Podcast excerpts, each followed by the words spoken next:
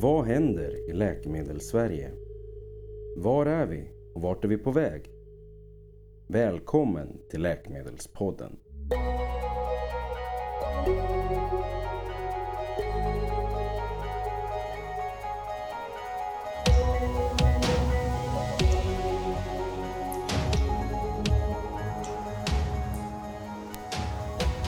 Idag i Läkemedelspodden vad är GDPR och hur kommer det att påverka oss som arbetar med läkemedel?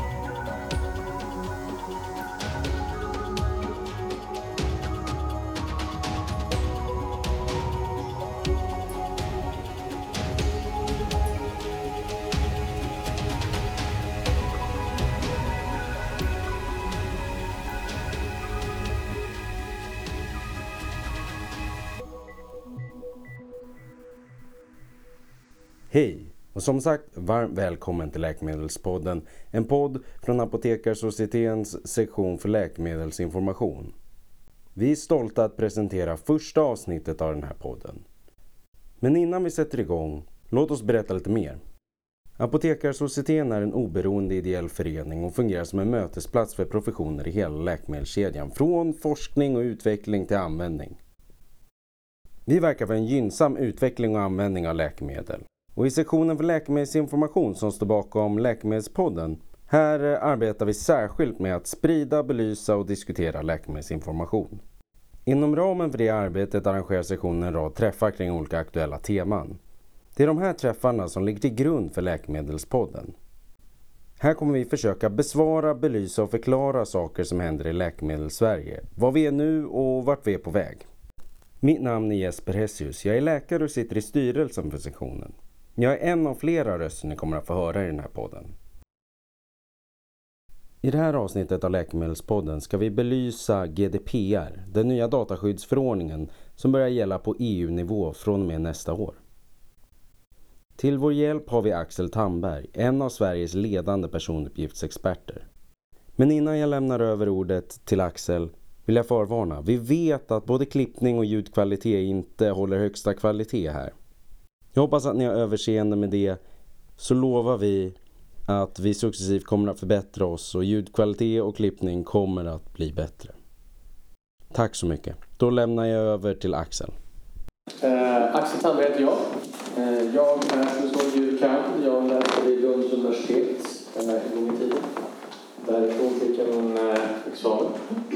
Eh, sen har jag jobbat med personlighetsfrågor sedan år 2000.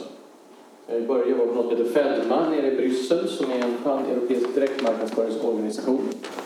Eh, och en av de viktiga sakerna för direktmarknadsföring är ju behandling av personuppgifter. Utan det kan man inte göra någonting som är direkt eller riktat mot någon. Eh, 2005 flyttade jag och min familj till Sverige och där jobbade jag sen som förbundsjurist eller chefsjurist på Swedma, den svenska motsvarigheten. Och sen 2013 har jag min egen lilla verksamhet. Eh, så är det så här att dataskyddsförordningen kom igång, för pratas 2012. Och jag har varit aktiv i Fedma alltså så att säga, som på svensk sida och har följt den här frågan sen, som jag brukar säga, frö till limpa. Jag har följt med hela vägen och har varit med om alla turerna som har blivit runt om det. Eh, men innan vi börjar helt och hållet så ska jag bara säga de här fantastiska små apparaterna vi har, som är små datorer vi kan prata i, gärna på tyst. Jag vet att vi alla har barn, det har jag också, som kanske vill höra av sig. Eh, och sen är det en sak till. Den enda dumma frågan är frågan som inte ställs. Jag är här för er skull idag. Det är inte för min skull att jag står upp och, och pratar, det är jag väldigt duktig på visserligen att prata, det tycker jag om. Men det är ju er skull jag är här, inte för mig att höra min egen röst. Kan vi komma överens om det? Bra, då har vi fått, jag har fått engagemang här. Så här fråga ställd tills att ni vaknar fortfarande, det är bra, det är en bra början. Eh, en sak som är jätteviktig när vi pratar om GDPR det är att vi måste skilja på behandling och kommunikation. För det är, väldigt, det är två helt olika saker. Eh, behandlingen, alltså hur vi behandlar personuppgifter. Idag är det PUL. Imorgon blir det GDPR. Men när det gäller kommunikation, hur vi ska kommunicera med personer och individer, så har vi idag marknadsföringslagen, lagen med elektronisk kommunikation, vi har etiska regler för det om ler. Men imorgon kommer det att bli något som heter EPR, E-Privacy Regulation. Jag ska nämna lite om den, men jag ska inte gå in på den djupt. Så ha det här i åtanke nu att GDPR ersätter PUL men inte någonting hur vi kommunicerar. Okej, dataskyddsförordningen. Vad är det då som skiljer dataskyddsförordningen med GDPR som så vackert heter i och med att det är en engelsk förkortning? Eh, vad är det skillnaden mot PUL? Men då måste vi egentligen gå tillbaka till vad är PUL? Vad bygger PUL? Vad är PUL för något? PUL är en personuppgiftslag som vi har haft sedan 1998. Den lagen bygger på ett direktiv från EU som heter dataskyddsdirektivet som kom 1995. Eh, 1995, hur såg, världen, hur såg världen ut? Ni, ni ser ut att vara några som kommer ihåg hur 1995 såg ut. Jag kommer ihåg hur det såg ut. Men det finns några som inte kommer ihåg hur det såg ut. Men 1995, eh, om man till exempel säger så här, hur många här hade en e-postadress 1995? Ja, några stycken. Vi började få e-postadresser. Hur många hade internet hemma? Ja, några stycken. Så här uppringt, vet här. Ja. Och man tyckte man hade ett jättesnabbt när man hade 56 kilobyte, kilobyte per sekund. Det var snabbt. Eh, och sen har vi det här med... Kommer någon ihåg hur datorerna såg ut? Mm. Vi hade dels vår lilla eh, enkla hemmadator som vi började få. Alla skulle få en hemdator. Jag kommer ihåg min stora glädje när mamma fick en hemdator via jobbet. En Commodore 64. Wow! Det var stort. Den kopplade man upp till tv-skärm. Roligt. Men hur, var det, hur jobbade företag med data? Har ni hört talas om ordet stordata? Ja, stordata var ju en dator som var nästan stor som halva det här rummet. Och det bestod av... Och datan lagrades på magnetband. Som stora, stora kassettband. Så när man skulle flytta data från en dator till en annan var man tvungen att fysiskt ta magnetbandet och sätta det i en annan så att säga, bandspelare och låta det gå igång. När man skulle flytta data mellan två olika företag, då anlitade man ett säkerhetsföretag. Och så lastade de in de här stora banden i stora pansrade bilar, så skyddsnivå. Och därefter kan vi gå och stärka lite grann. Och det är därför vi har en annorlunda syn på hur man får behandla data, hur man får samla in data i olika länder. Som i Tyskland, där de kräver skriftligt samtycke. Alltså skriftligt, en namnteckning. Och det här är en digital, vi börjar komma mer i en digital värld, jag förstår liksom, det är dags att uppdatera det. Och då blir frågan så här, när vi då ska skapa försök, här, försöka anpassa oss till den digitala världen där, där gränserna inte är detsamma. Så har man från kommissionen sagt att vi måste skapa något som heter en digital inre marknad. Det ska vara öppet och vi ska kunna föra över uppgifter på ett enklare sätt. Och då så kommer man till det här, ja men vänta då, då, gör vi, då ändrar vi det här dataskyddsförordningen. Ja, den får bli en förordning. Det får bli någonting annat än vad det föregående var. Eh, så det ska bli någonting, det är en förordning och en förordning är någonting som är direkt gällande i samtliga medlemsstater. Som den är skriven. Sedan är det en sak till som är ganska intressant. Det är också när dataskyddsdirektivet eh, kom 1995 så, så, så, så anpassade vi den till PUL 1998. Eh, det blev alltså att vi tog dataskyddsdirektivet och omvandlade det till en svensk lag. Men det var inte den första dataskyddslagen vi hade i Sverige. Vi hade en dataskyddslag redan innan dess, typ datalagen. Och datalagen hade ju gällt sedan 1973. Ungefär, med lite kodifikationer. Eh, men all behandling med register som skedde för, som var gjorda på dataskyddsdirektiv, dataskyddslagen. När PUL kom fick vi tre år på oss att anpassa dem till PUL. Eh, nu är det så här att tvärtemot vad många andra säger så är det faktiskt så att dataskyddsförordningen trädde i kraft den 25 maj 2016. Den kommer att ersätta PUL den 25 maj 2018. Alltså lagen har trätt i kraft. Vi är redan i den här anpassningsfasen. Som jag, sa, jag sa där, dataskyddslagen och PUL. Då har vi tre år på oss. Nu är vi i de där så kallade tre åren. Vi ska redan nu anpassa alla register till vad, hur det kommer se ut med förordningen. Och det här är en ganska intressant eh, situation vi sitter i. Vi ska anpassa oss till något som inte är helt klart än. Vi vet ju inte, vi har ingen rättssäkerhet. Vi vet inte exakt hur det kommer se ut i och med att den är, som sagt, pan-europeisk. Men det bästa med GDPR är faktiskt att den är pan-europeisk. Vi kommer få samma eller liknande lagar i hela den inre marknaden. Det vill säga även Norge, Island, Liechtenstein och Storbritannien efter Brexit. Vi antar att Storbritannien kommer försöka komma tillbaka till den inre marknaden så fort som möjligt efter Brexit, men i huvudsak deras lag kommer ändå basera sig på GDPR så vi kommer kunna jobba bra, men vi måste se upp med Brexit. Men det är alltså större delen av de här länderna. Turkiet håller ju på att anpassa, vi får se om det verkligen blir Turkiet eller inte. Men vi kommer att ha samma lag. Det här är jättebra för företagsamhet. Tänk, ni behöver inte köpa in tjänster överallt. Men vi har lite andra nya principer om vi tänker på. Grunden som skiljer dataskyddsförordningen från PUL, det är hur vi ser på individen. För så här är det att i dataskyddsförordningen står det att rätten till mina personuppgifter är individer, det vill säga mina är mina, som en del av den åttonde artikeln i Europeiska konventionen för de mänskliga rättigheterna. Rätten till ett privatliv. Det vill säga, mina personuppgifter är mina som en mänsklig rättighet. Om vi då vänder det lite grann här. Kan vi då äga en stock med personuppgifter på patienter eller kunder? Nej. Vi kan inte äga en mänsklig rättighet. Vi kan ha dem till låns. Och det är någonting ni ska ta med idag så är det ju det här att ni får låna personuppgifterna. För om man tänker så här, om jag får låna personuppgifter då måste jag göra någonting. För om jag träffar, jag har träffat dig på gatan här utanför och sagt, får jag låna 500 kronor av dig? Hade du sagt ja då? Troligtvis inte. Nej, troligtvis inte. För det är liksom, du känner inte mig, du har ingen aning om vem jag är. Eh, Du har ingen koll på vad jag är och vem jag är och vad jag gör. Nu har du kanske lite mer koll på mig i och med att du har fått min, du kommer få mina kontaktuppgifter här på slutet och allting. Då kan du få telefonnummer, du kan förpesta mig, du kan söka tag på mig och försöka få tillbaka mina pengar. Men om vi ska ta personuppgifter från någon och använda dem. Om vi får dem till låns, det ställer högre krav på oss som företag. Vi måste bli bättre på att visa vad är det vi vill göra och varför och hur vill vi göra det och vad vill vi komma åt med. Och det här ger ju oss att som företagare större ansvarsskyldighet att kunna visa på varför vi vill använda uppgifterna och hur vi fick rätt att använda uppgifterna. Vi måste bli bättre på att dokumentera allt vi gör med personuppgifter. Och vi måste kunna visa det i förväg. Så ett av stora saker som är skillnaden med PUL och förordning är att vi redan måste i förväg dokumentera hur vi jobbar med personuppgifter.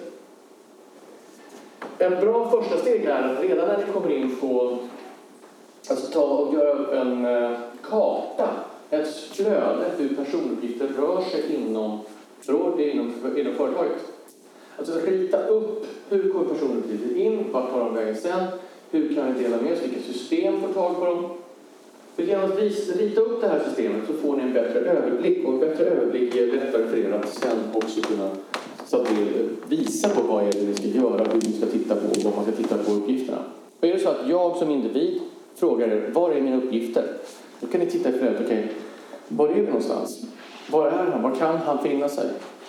Och är det så att ni har, eh, om ni sysslar med kommunikation också, vissa, vissa av er gör, så har man ju här kommunikationscyklar när man skickar någonting. Då kan man också vara bra att veta vilken databas man ligger i. Är det så att ni sysslar med läkemedel, speciellt läkemedel, kan man ju gå in i den databasen och så vidare. Och vad händer om du gör fel? För det är också någonting nytt. Kommer ni hamna i fängelse? Nej. Ni kommer inte hamna i fängelse, mina vänner. Det, det är ingen fara. Inte ni i början. Nej, så här är det. Vi har ju fått en sanktionsavgift i dataskyddsförordningen som har gjort att den börjar bli intressant. Varje företag som bryter mot dataskyddsförordningen kan, eller varje organisation, kan betala upp till 4% av sin globala omsättning. Upp till 4 procent av den globala omsättningen. Ja, det här visar ju på vem är det då, för det första, det här visar på två saker. Vem är det som är ansvarig, ytterst ansvarig? Det är alltid företaget. Det kan inte delegeras. Det kan inte delegeras till VD, till styrelsen eller någon annan. Det är alltid företaget som kommer få betala sanktionsavgifter. Och för det andra så är det sanktionsavgift och inte böter. Det är ungefär som att ni parkerar bilen fel på gatan utanför. då får ju ni vad vi kallar en p-bot i gamla, gamla, i alla fall jag säger fortfarande p-böter. Böter döms av domstol och man måste gå till domstol för att döma ut den.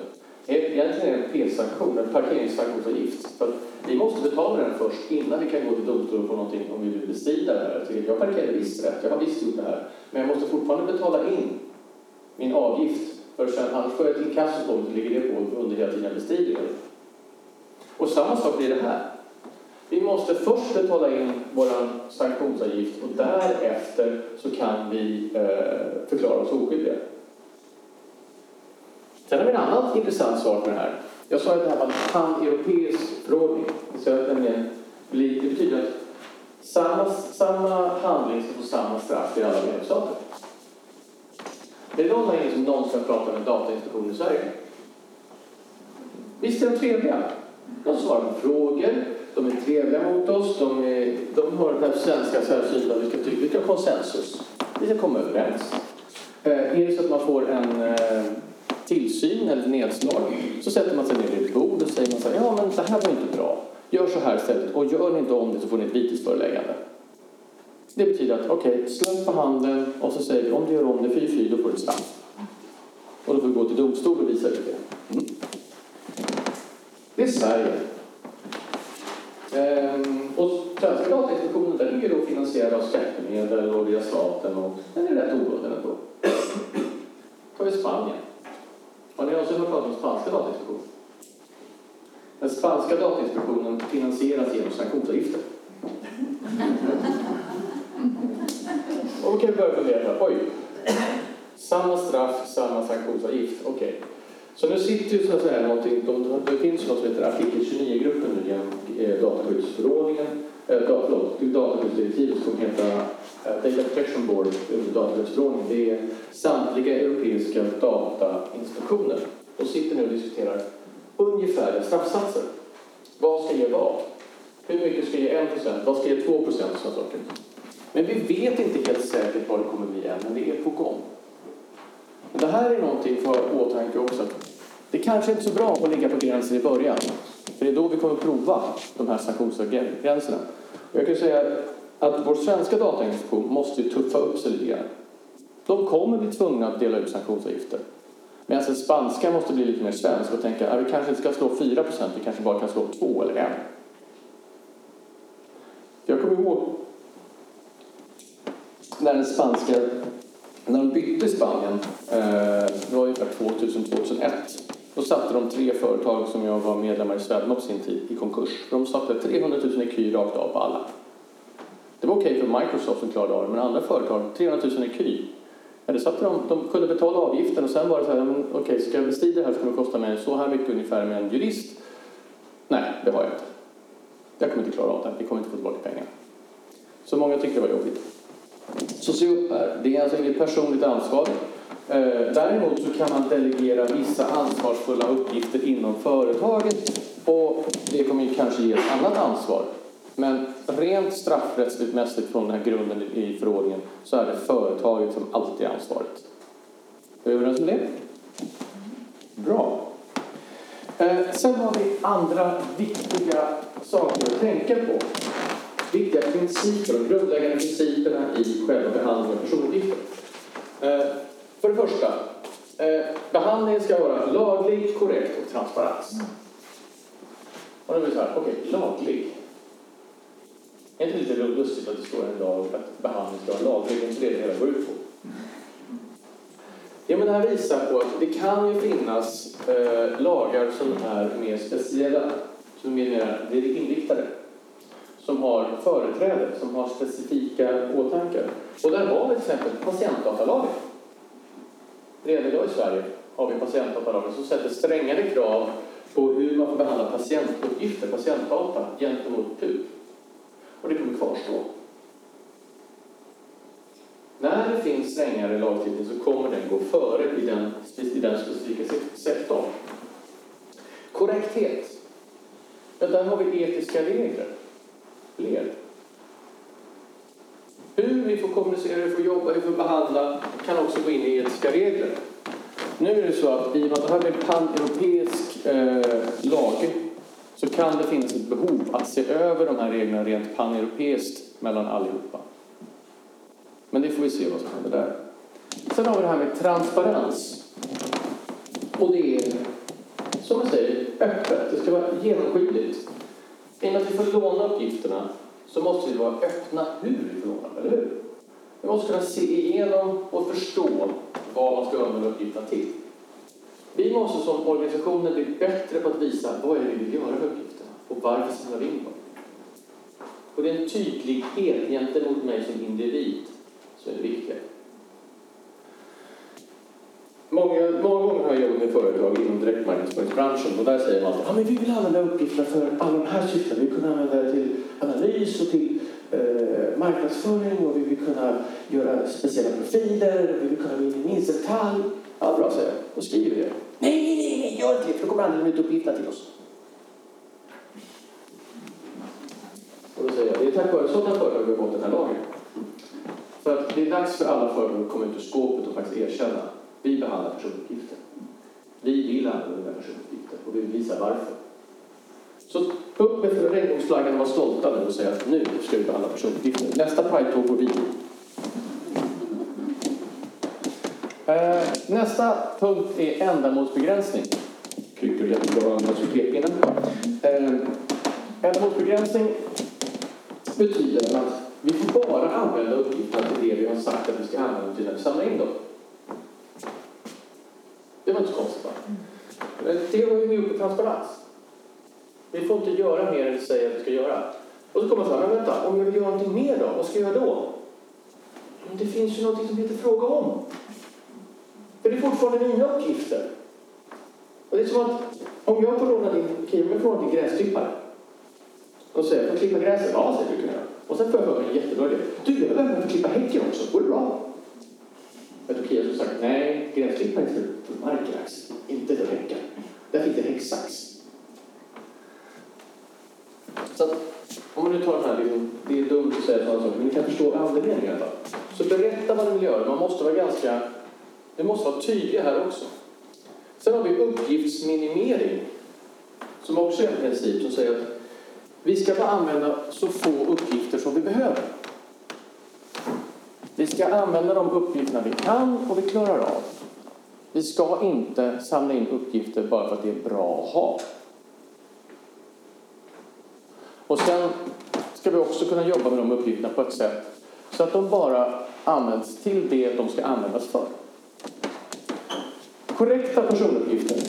Jag har sagt korrekt personuppgifter här för att det är aldrig korrekt eller korrekthet. Eh, korrekta personuppgifter betyder att vi ska ha rätt uppdaterade personuppgifter till de individer vi pratar med.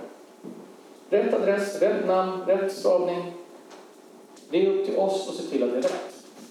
Och då kommer vi till den här fantastiska frågan, men vänta ett tag här. Om jag får låna uppgifterna och någon annan gör det, säg att jag byter e-postadress som individ, jag har lånat ut min e-postadress till er. Men vänta ett tag här, hur, hur ska ni kunna liksom säkra det? Jo, det är så när ni märker att min e-postadress börjar studsa, det händer ingenting. Då får ni kontakta mig på ett annat sätt hej Axel, eh, du vet att eh, tack för att du gav oss din e-postadress, men det verkar som att det inte fungerar längre. Har du bytt? Vi måste bli mer aktiva och ha en kommunikation och fortsätta kommunicera med de individer vi har. Sen finns det ju andra sätt att eh, eh, fysiska adresser. Där har vi ju SPAR och sånt i Sverige. Och vad kommer hända med SPAR? Mm, vi kommer tillbaka dit. Lagringsminimering. Vi ska inte behålla uppgifterna för länge. Vi måste ange hur länge vi ska använda uppgifterna för när vi samlar in dem. Och då finns det så här, ja, alltså sen finns det olika delar, olika grader i helvetet brukar jag säga. Men det finns olika grader för hur länge man får behålla uppgifter. Det finns uppgifter som vi måste behålla bara en kort stund. Som till exempel om vi skickar en faktura, bara själva fakturaavdelningen, den är betald, ska väl inte ligga kvar i fakturasystemet längre. Men den ska däremot över i bokföringssystemet i sju år. Har vi, jobbar, vi patient, jobbar vi med utveckling av läkemedel så ska vi egentligen inte behålla uppgifterna om patienternas eh, eh patientuppgifterna längre behöver själva lanseringen. Sen måste vi kunna bevisa hur vi tänkte och kunna bevisa det av andra lagliga krav. Ja, då får vi behålla de uppgifterna, men bara i det syftet. Inte använda för någonting annat. Vi kommer komma tillbaka och prata mer om det sen. Integritet och konfidentialitet. Integritet och konfidentialitet. Det här betyder att vi måste numera kunna säkerställa att ingen annan får ta del av uppgifterna som inte ska göra det. Om vi nu får låna uppgifterna, om jag får låna ut mina uppgifter då tycker jag att då är det ert ansvar att se till att de inte sprids i onödan. Sprids till felaktiga parter. Så därför måste vi ha säkra databaser. Vi måste ha säkert skydd från utifrån. Men lika säkert att inte de sprids på ett felaktigt sätt inifrån. Vi måste se till att bara de som har rätt att få ta del av uppgifterna får ta del av uppgifterna. Hej, det var Jesper här igen. Där tog inspelningen från mötet tyvärr slut. Ja, som sagt ska vi bli bättre på det här. Men för att ni inte skulle gå miste om all information som eh, Axel sitter på så ringde jag upp honom några dagar senare. Så att han skulle få prata till punkt och jag kunde passa på att ställa några extra frågor.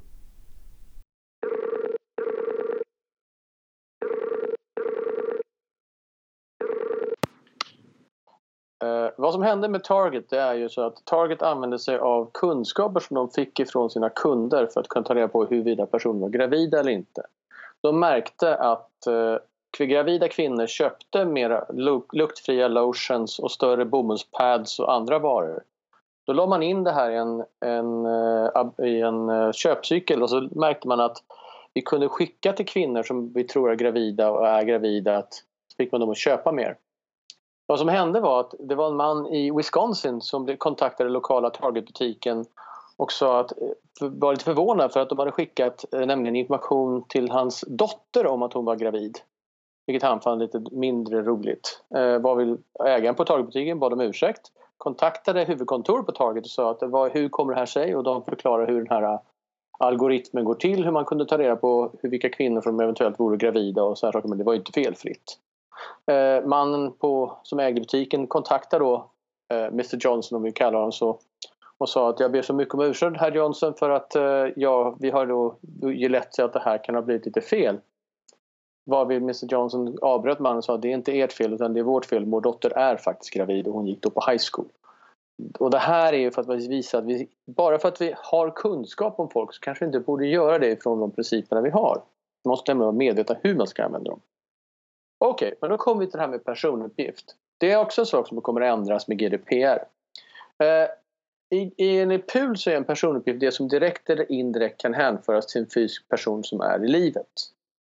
Men då GDPR är då en, så att säga, en digitalisering av en analog lag så har man gjort att den, eh, definitionen blir lite längre. Den blir nämligen som att säga varje upplysning som avser en identifierad eller identifierbar fysisk person varvid en identifierbar fysisk person är en person som direkt eller indirekt kan identifieras särskilt med hänvisning till identifierare som ett namn, ett identifikationsnummer, en lokaliseringsuppgift eller online-identifikatorer.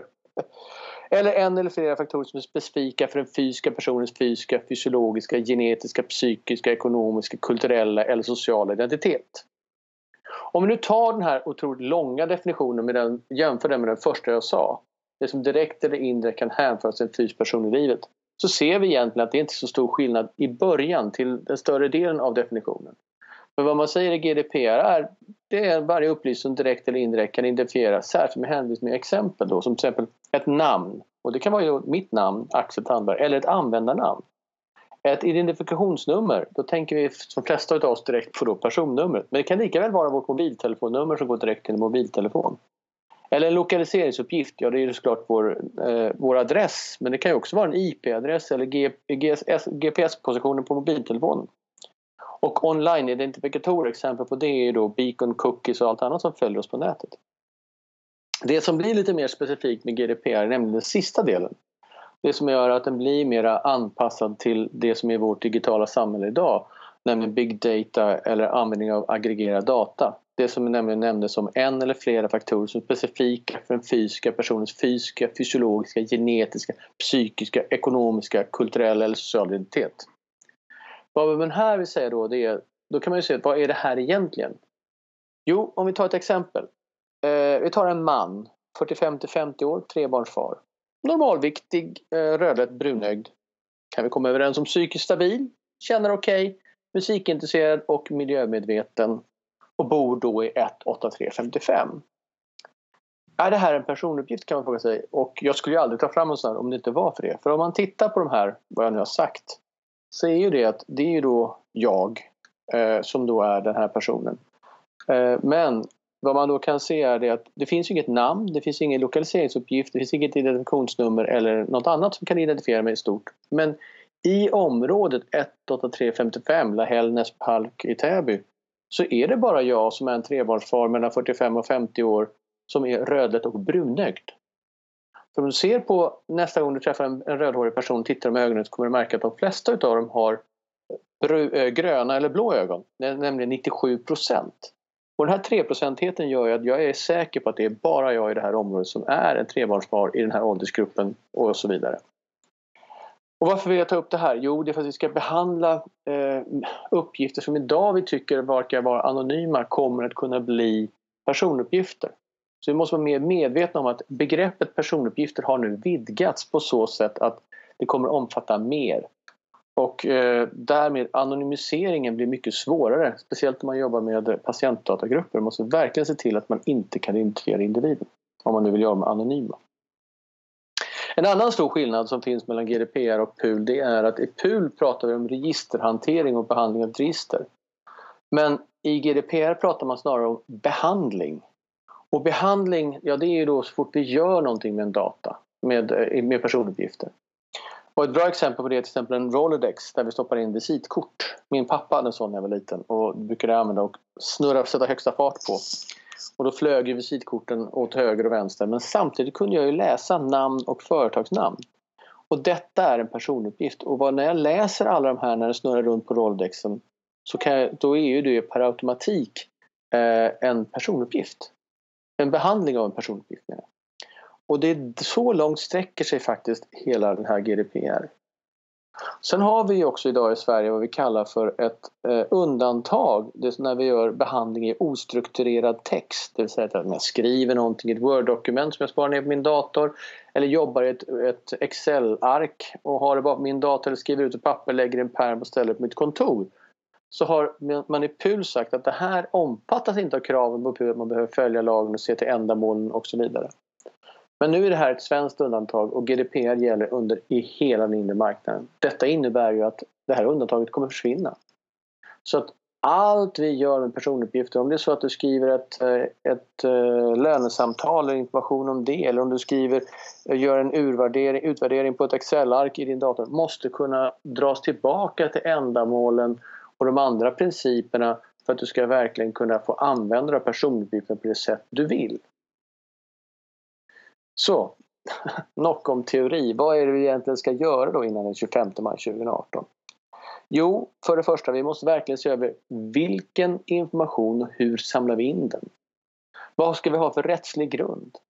Vi måste se över vem som har ansvaret och vem som har tillgång till informationen. Och så måste vi se till att vi har respekt, eh, kan respektera individen då det är individens uppgifter vi ska nyttja och det är ändå individen som äger uppgifterna. Men för det första måste vi göra det att agera ansvarsfullt och börja dokumentera vi jobbar med personuppgifterna redan idag. Ta och dokumentera på det sättet vi vill jobba och som vi kommer att jobba.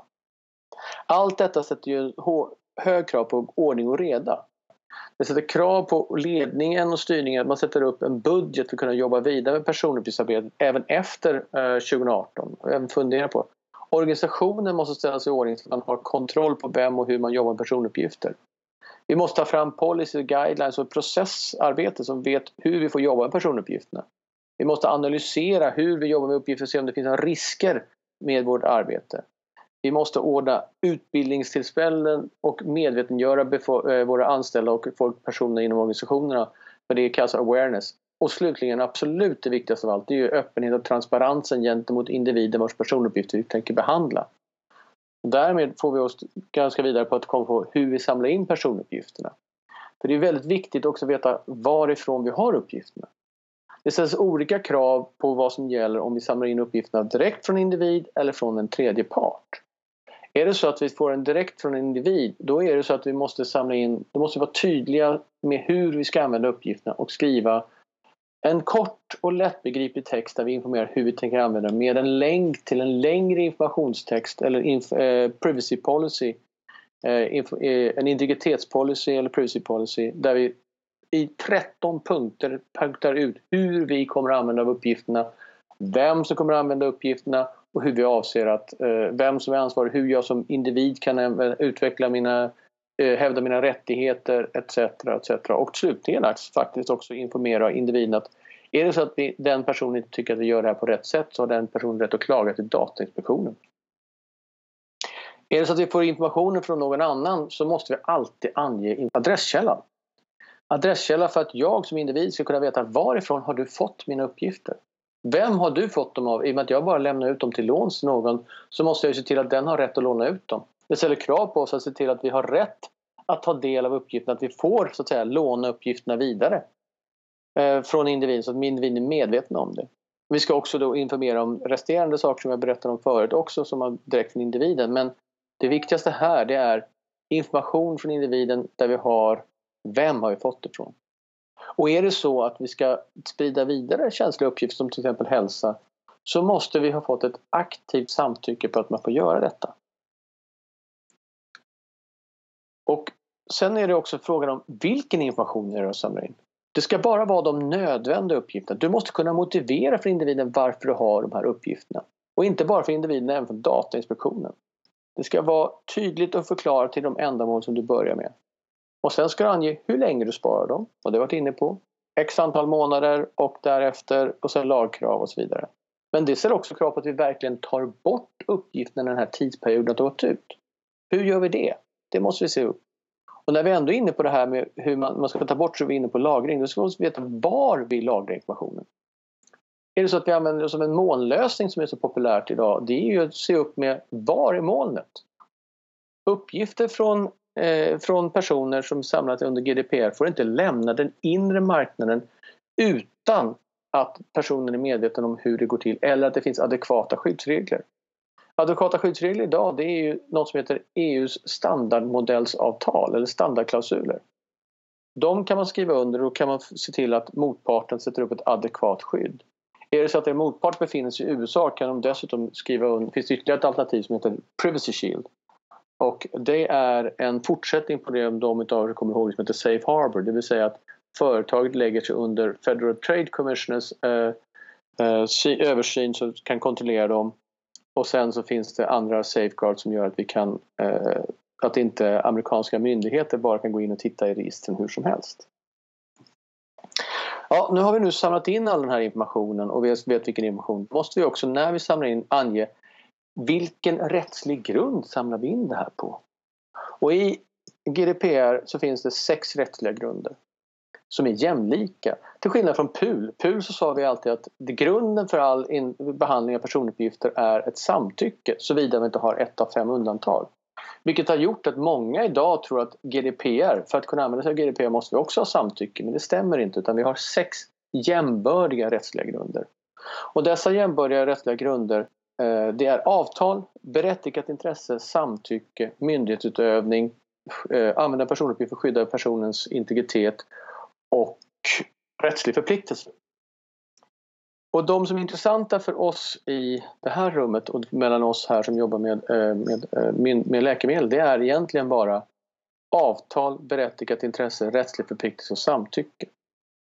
Avtal som är rättslig grund, det är det enda som man behöver för att kunna uppfylla avtalet i sig. Alltså de nödvändiga sakerna för att uppfylla ett avtal. Det är om jag köper en bok på internet så är det bara att kunna skicka boken till mig. Det betyder inte att man skickar marknadsföring till mig, för det har inte något med avtalet att göra. Utan om man vill använda sig av marknadsföring då ska man snarare gå in på berättigat intresse som, ger, som man kan jämföra med dagens intresseavvägning. Det vill säga att vi väger företagets intresse av att kunna kontakta en individ mot individens integritetsavstånd. Eh, det är också fördel med användarberättigat intresse det är att vi kan lägga information om detta i avtalsvillkor. Vi behöver inget aktivt eh, samtycke från individen. Det räcker med att vi informerar på ett tydligt sätt eh, i allmänna villkor. Det här betyder ju också att paragrafer som berör eh, personuppgifter måste sättas som en egen rubrik och får inte ligga sist i alla avtal som det gör idag. Idag ligger de oftast efter Eh, efter hur det är med eh, force majeure och tvistlösningar och sånt beskriver man hur man vill behandla personuppgifter. Ett annat krav på, på när vi använder oss av berättigat intresse är att vi dokumenterar hur vi använder det berättigade intresset när vi väl använder det. Rättslig förpliktelse i sig är också väldigt bra att veta för där är det ju om det finns andra lagar som kräver att behandla personuppgifter på ett specifikt sätt. Som till exempel bokföringslagen som kräver att vi spar transaktionsuppgifter i sju år efter det att vi har genomfört transaktionen för att vi ska kunna kontrollera bokföringen.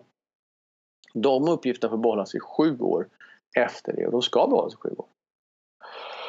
Och så har vi då slutligen samtycket. Samtycket i GDPR får en annan syn än vad det var förut. Och man ska egentligen bara använda samtycke när det krävs samtycke för behandling i GDPR. Och det enda gången det egentligen krävs det är när vi ska använda uppgifter av känslig, eh, när vi kräver känsliga uppgifter.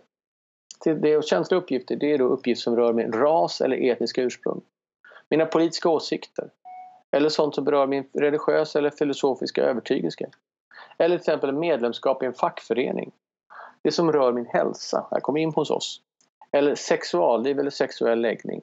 Eller genetiska uppgifter eller biometrisk information för, identi för, eh, för, information, eh, för identifiering. Den sista är då till exempel person, eh, när vi pratar om eh, fingeravtryck eller irisavskanningar. Här måste vi alltså då använda oss av ett aktivt samtycke. Och det aktiva nya samtycket det måste dels vara aktivt, det vill säga att jag måste göra någonting. Det får inte vara en förkryssad ruta, det får inte tvinga mig att göra någonting. Jag måste alltså göra en aktiv handling. Det måste vara frivilligt, det vill säga inte något som är tvingande. Jag får inte ha att, för att kunna ta del av tjänsten, för att kunna få del av produkten så måste jag kryssa i en ruta. Eller måste jag kryssa ur en ruta, förlåt, jag måste kryssa i en ruta. Och då måste jag bekräfta vad, samt, vad jag samtyckt till i efterhand. Skicka gärna en e-post eller någonting så vi vet vad vi har kommit överens om. Sen är det också företagets ansvar att spara samtycket och kunna visa på när jag har samtyckt och vad jag har samtyckt till. Så spara den här texten som jag samtycker till i ett separat dokument så du vet jag samtycker och sätt en tidsperiod på det om du använder av samtycke. Speciellt om du går via en hemsida. Det kan vara att Eh, jag samtycker till eh, att få information rörande det här via ett utskick och så har ni haft samma samtyckestext från den 1 januari 2017 tills ni ändrar den den 16 eh, december 2018. Och är det så att jag har samtyckt under denna tidsperiod, ja, men då vet jag är den samtyckestexten jag har samtyckt och då kan jag agera därefter. Vi måste ju komma ihåg också att folk glömmer och därför är det bättre att ha tidpunkten på. För vi vet då vad och när vi samtycker till. Så de här rättsliga grunderna är det vi kan jobba med. Ytterligare en sak som är viktig och som krävs eller större krav i GDPR det är tillgången till personuppgifter. Vem är det som har tillgång? Vi måste i organisationerna se över att vem har tillgång till uppgifterna och hur har tillgång till uppgifterna. Vi måste uppdatera den här listan med jämna, mellan, eh, med jämna mellanrum på att, att personer som bara jobbar med läkemedelsfrågorna får tillgång till läkemedel och inte HR-delen. Och den som jobbar med HR har bara tillgång till HR och inte någonting med läkemedelsdelen eller marknadsföringsavdelning eller något liknande. Och är det så att en person flyttar mellan avdelningar, då måste vi ta bort rättigheterna så att de inte sitter kvar med det. Jag har varit på företag där de haft eh, 200 anställda men 600 olika användare öppna och aktiva. Vilket gör att man inte har tillgång, man har inte kontroll på vem som har tillgång till uppgifterna. Det gäller att ha kontroll här. Och när vi ska ha kontroll då är det bäst att använda sig av ett inloggat läge med personliga lösenord, personliga inloggningar så vi vet vem som är inne. Och det här är också en del i säkerheten för om jag går in och går in i ett eh, system varje lördag klockan tre så kanske det blir ett mönster som frågar mig men Axel varför jobbar du klockan tre på lördag? Vad håller du på med då? Så jag, men jag jobbar inte på lördag klockan tre, då sover jag. Då kan man säga att det här är ett intrång. Och kan man söka, därmed bygga upp säkerheten i systemet. Och vidare när vi ändå är inne på tillgång till uppgifter, är det så att vi har en tredje part som ska ta del av uppgifter så måste vi meddela att de finns. Så personen är medveten om. Och här kan vi skilja på vem det är vi har som en tredje part. Om det är så att vi säljer en vidare till tredje part i USA eller någonting, ja då måste vi då ha enligt de molnlösningar det jag pratade om förut. Men är det så att vi har en annan part som agerar på vår räkning, som till exempel ett tryckeri som skickar ut en invasionsblankett eller någonting till dem vi har att göra med, då jobbar de för oss och då måste vi ha ett, ett avtal med dem, ett personuppgiftsbiträdesavtal, ett skriftligt avtal som säger vad de får göra med personuppgifterna. Och gör, då måste, de får då inte göra någonting annat än det som står där. Så hitta inte på någonting nytt utan att skriva ett nytt avtal då. Och när ni ändå skickar vidare uppgifterna till den här tredje part, den här parten ska hjälpa eller till tredje part, så skickar de inte via e-post öppet. Utan skickar de då en krypterad fil eller på ett krypterat sätt. Eller krypterad e-post. Men när vi skickar en e-post, det är som att skicka ett vykort. Alla som jobbar med e-posten, allting från din e-mail service provider till deras e-mail service provider och alla steg emellan kan läsa det som står i ditt e-post. Det är ett helt öppet brev, det går att läsa texten. Så tänk på vad ni skriver och hur ni jobbar med det. När vi då kommer till den individens rätten att kunna använda sina, vi ska respektera individen så kommer vi till det här som är då att man ska göra registerutdrag till exempel. Det vill säga att jag som individ har rätt att begära från ett företag säga vad har ni för uppgifter om mig? Lämna då ut det till mig. Och då räcker det inte med som man förr i bara räck, eh, eh, skickade ett enkelt brev där man skrev att ja, här får du ett, dina registerutdrag och så vidare. Utan vad man måste i det här brevet är att informera individen vad, vad är det för ändamål? Varför har vi samlat in det här? Vilka kategorier personuppgifter är vi har samlat in? Har vi använt av fritextfält, det vill säga in, har vi gjort några anteckningar om dig som individ så måste vi lämna ut dem också. Och vilka är mottagarna av det här och finns det något tredje land som får ta del eller en annan internationell organisation som till exempel Röda Korset eller ett FN-organ? Hur länge ska, har vi lagrat uppgifterna och hur länge avser vi lagra uppgifterna? Och att jag som individ har rätt att, till rätt, att rätta eller begära att den uppgiften raderas eller begränsas eller invända mot dess användning. Och jag har det så att när jag fått uppgifter från en tredje part, ja, då måste ni kunna ge, ange adresskällan. Var fick ni uppgifterna ifrån? Så att jag kan gå och kontrollera det. Och sen slutligen återigen att jag som individ har rätt att klaga till Datainspektionen ifall att ni anser att ni behandlar mina personuppgifter fel. Det här är en av grundförutsättningarna för att en person ska kunna utnyttja sin rätt som individ och man ska respektera det så vi måste kunna göra det här. Sen har vi det här med personuppgiftsincident som är det fall någon utomstående, någon annan kommer åt eller kommer åt personuppgifter som vi har i vår vård på ett felaktigt sätt. Då ifrån att vi upptäcker det här så har du 72 timmar på er att meddela eh, Datainspektionen om intrångets art, alltså det vill säga vad som har hänt. Vilka uppgifter som har eh, kommit åt och vad, som har kommit, vad man har fått för, hur har man försvunnit, vad är det för uppgifter?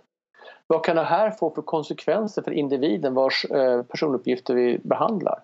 Och vilka åtgärder ska, har vi vidtagit som organisation för att kunna beskydda oss mot att de här inte, eh, att det inte händer igen? Och vad kan individer vars uppgifter vi har läckt ut, hur ska de agera för att kunna eh, hur ska de agera för att det ska få mildra konsekvenserna för dem?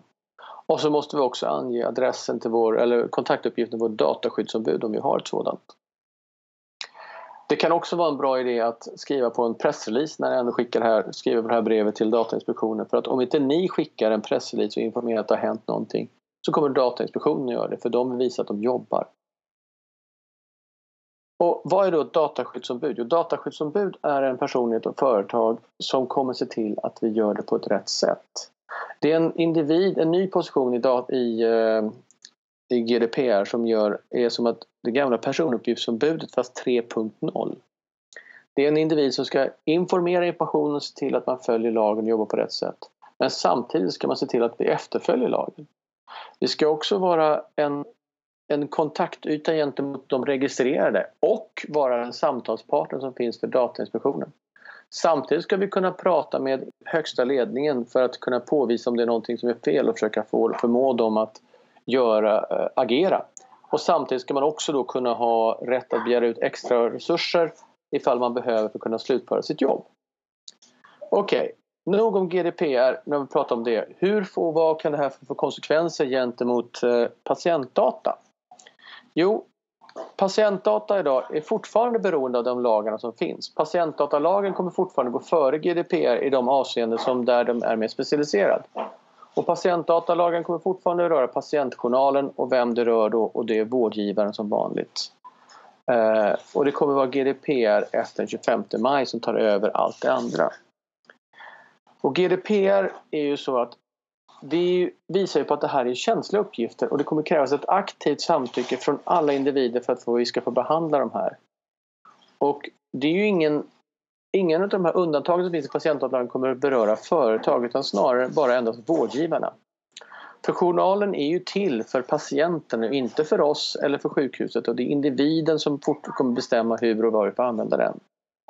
Så hur ska då vi inom läkemedelsindustrin kunna jobba med patientdata? Jo, det är då som jag sa samtycke från individen om vi vill ha det. Eller så skapar vi en, person, en databas i, i samtycke med andra och då försöker vi helst inte vara personuppgiftsansvarig utan försöka bli personuppgiftsombudet. Eller förlåt, jag menar personuppgiftsbiträdet, det vill säga att vi kan jobba med andra och försöka helst jobba med patientföreningar och sånt som kan jobba så vi kan jobba med dem och agera, ha dem och få jobba på deras ansvar. Och därför ska vi försöka jobba tillsammans framåt för att kunna till, se till att vägen framåt blir lättillgänglig.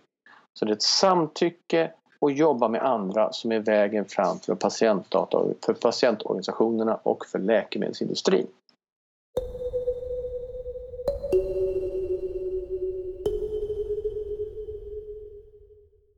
Ja, jätte, jättebra. Det är väldigt spännande. Just de här delarna som du kommer in på på, på slutet med mm. individer som, ja, men, som patienter men också som kund. Om man ser i, i läkemedelskedjan så, så glider mm. ju en individ liksom in och ut ur GDPR låter det som. Ja, absolut. Ja, det gör ju det. Mm. Ja, men som kund, alltså det här är det intressanta för läkemedelsindustrin att ni har ju dels patienter i patientstudierna som då så att säga måste jobba med vårdnadsgivaren och jobba med patientföreningar.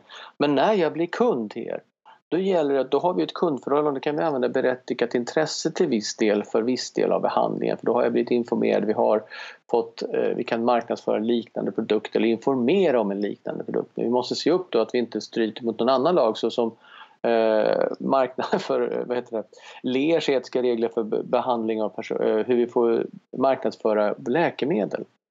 Och vi måste vara väldigt tydliga med vad vi vill göra med personuppgifterna. Så jag tror det råder faktiskt organisationer inom läkemedelsindustrin att försöka få ett samtycke för att det blir enklare då för er. Men problemet är att det måste vara frivilligt, får inte tvinga in dem. Det är ju en spännande utmaning. Bara man eh, hör de här grejerna så direkt så bubblar det upp massa tankar. Ja, men det här måste nog förändras och det här måste förändras. Och vad, vad tror du själv? Hur, hur, ser det ut där? Ja, men säg första veckan i juni när vi har levt med GDPR in action i en vecka kanske. Ja, jag tror ju att det är inte läkemedelsindustrin man kommer slå på först utan det man kommer att gå på först det är ju framförallt företag som behandlar stora mängder personuppgifter som inte befinner sig i Europa, till exempel Google och Facebook det är de som kommer att bli de största att gå igenom på. Eller kreditupplysningsbranschen som har mycket känsliga uppgifter som rör sig på mycket större sätt. Jag vet att läkemedelsindustrin och läkemedelsföretagen har en god etisk hållning för ni har för, varit tvungna att förhålla er till samtycke och patienter och mycket känslig information en längre tid. Så för er del så kommer ni att jobba vidare utifrån det ni gör redan idag men vara tydligare med informationen är det som kravet kommer bli för er. Jag tror att vi kommer att se många läkemedelsföretag som informerar mer och bättre till patienter. Vi kommer få mer information till patienterna i ett tidigare skede och jag tror att individerna kommer därmed bli mer eh, intresserade av att jobba tillsammans med eller hjälpa läkemedelsindustrin. För man ska ju ändå inte glömma att den, det vad vi gör inom läkemedelsindustrin är ju för att förbättra för människor får vård. Och jag tror att många mer människor kommer att vara villiga att dela med sig av sina uppgifter, sina erfarenheter genom att informera bättre.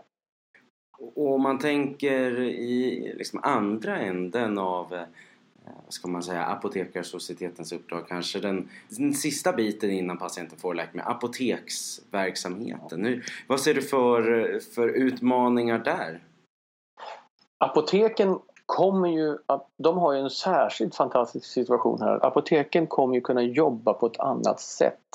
Vi kommer få, återigen tydligare, men du kommer få en tydligare uppdelning på vad som är den marknadsföringen av den Eh, den icke receptbelagda läkemedlen som kommer att kunna göras vid en berättigad intresset baserat på min köpinformation. Vi kommer kunna jobba så profiler på vad jag köpt och vad jag brukar köpa och jobba mer närmare våra kunder genom kundklubbar och sådana saker. Så fort, fortfarande är väldigt tydliga med vad vi gör. Samtidigt får man inte glömma den andra delen av uppdraget som är att kunna lämna ut den receptbelagda läkemedlen och det måste vi göra på det sätt som vi fortfarande gör idag med en otrolig kunskap och respekt för de individerna som kommer till oss på apoteken. Nej, men du var inne lite på det eh, att eh, Datainspektionen kanske initialt i alla fall har begränsade möjligheter att eh, granska och kommer att, att börja rikta in sig på kanske större byten eller viktigare byten om man ska vara, vara sån än, än kanske det som är, är relevant. Men vad, vad tror du egentligen om, om möjligheterna att GDPR faktiskt kommer att efterlevas? GDPR kommer att efterlevas. Det, det kommer vi märka. Det, kommer ju, det är därför jag tror att Datainspektionen kommer att försöka gå på de stora först. För där får du ut mycket större sanktioner än vad du får av de mindre bolagen. Och när vi väl börjar få sanktioner och vi får se hur GDPR kommer tolkas av Datainspektionen då kommer vi få allmän rättning ganska kvickt. För det är, det är så att när, när, de stå, när elefanten dansar då dansar också råttorna som jag brukar säga. Utan det, när de stora elefanterna börjar röra sig då kommer vi att få följa efter. Datainspektionen och dess geliker i hela Europa kommer att agera väldigt kraftfullt i början för att se till att vi följer GDPR. Jag tror också att det kommer bli en stramare syn på hur man får använda personuppgifter. Individerna av sig kommer vara mycket mer medvetna om vilken information, att de, deras uppgifter är viktiga och vad vikten av att behandla personuppgifter rätt.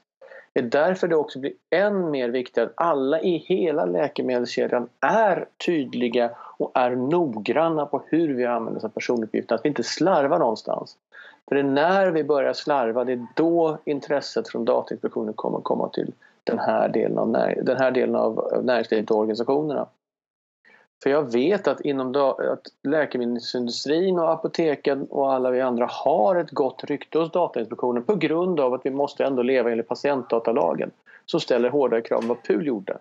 Och så länge vi har det här i, bak, i ryggraden och jobbar utefter de etiska principerna vi har satt upp och vi jobbar med ett, tydligt mål och är transparenta i vår verksamhet så kommer vi att klara oss bättre och min, med mindre input från Datainspektionen än vad andra företag kommer att få göra, andra branscher.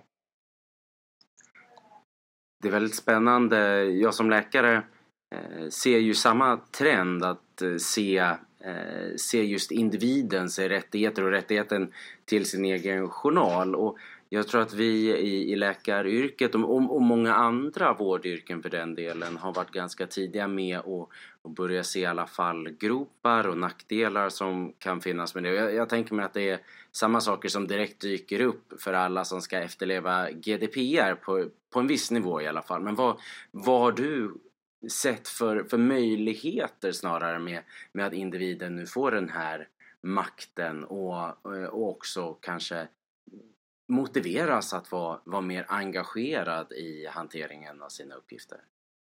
Alltså den stora fördelen för, för det här det är ju att du kommer få så många fler ambassadörer. Du kommer få folk, folk som talar väl om dig. Om du följer GDPR så kommer du få företag, kommer du få individer som pratar väl om företaget och organisationen. Som litar mer på dig, som tror på dig och kommer vara där och slå på din sida när någonting annat händer. För så länge du har följt GDPR och följt reglerna enligt den saken så kommer du ha människorna som tror på det och litar på det. Precis som vi litar på en läkare, som vi litar på apoteket. Vi kommer fortsätta att prata gott om er. Det är där jag tror vinsten kommer. Ja, jag tycker att det låter väldigt spännande. Jag tror att för många, eh, både inom vården och hela läkemedelskedjan har GDPR liksom varit som ett, ett spöke som man har sett någonstans på horisonten och att alla pratar om det och har svårt att greppa det. Men det känns efter, efter den här dragningen så, så känns det som att man får ett betydligt bättre grepp om vad, vad både i stort är det som ligger bakom det här och, och vad är det mer konkret på den mindre nivån som, som jag ser i, i min vardag kommer, kommer behöva förändras efter det här. Mm. Ja, alltså jag tycker ju ni har ju ett försteg mot alla andra som sagt. Ni har levt med patientdatalagen. Det är alla andra som ska försöka komma ikapp er. Så fortsätt bara med det ni gör bra men informera tydligare och tra mer transparent. Då, vinner, då är ni långt före alla andra. Jättebra. Tack så jättemycket Axel för att du tog dig tid både första träffen och nu en, en andra omgång. Det var ett rent nöje Jesper. Det är alltid kul att få komma och prata med Apotekarsocieteten och läkemedelsindustrin. Det var allt vi hade för den här gången. Ett riktigt mastodontavsnitt, det här premiäravsnittet av Läkemedelspodden.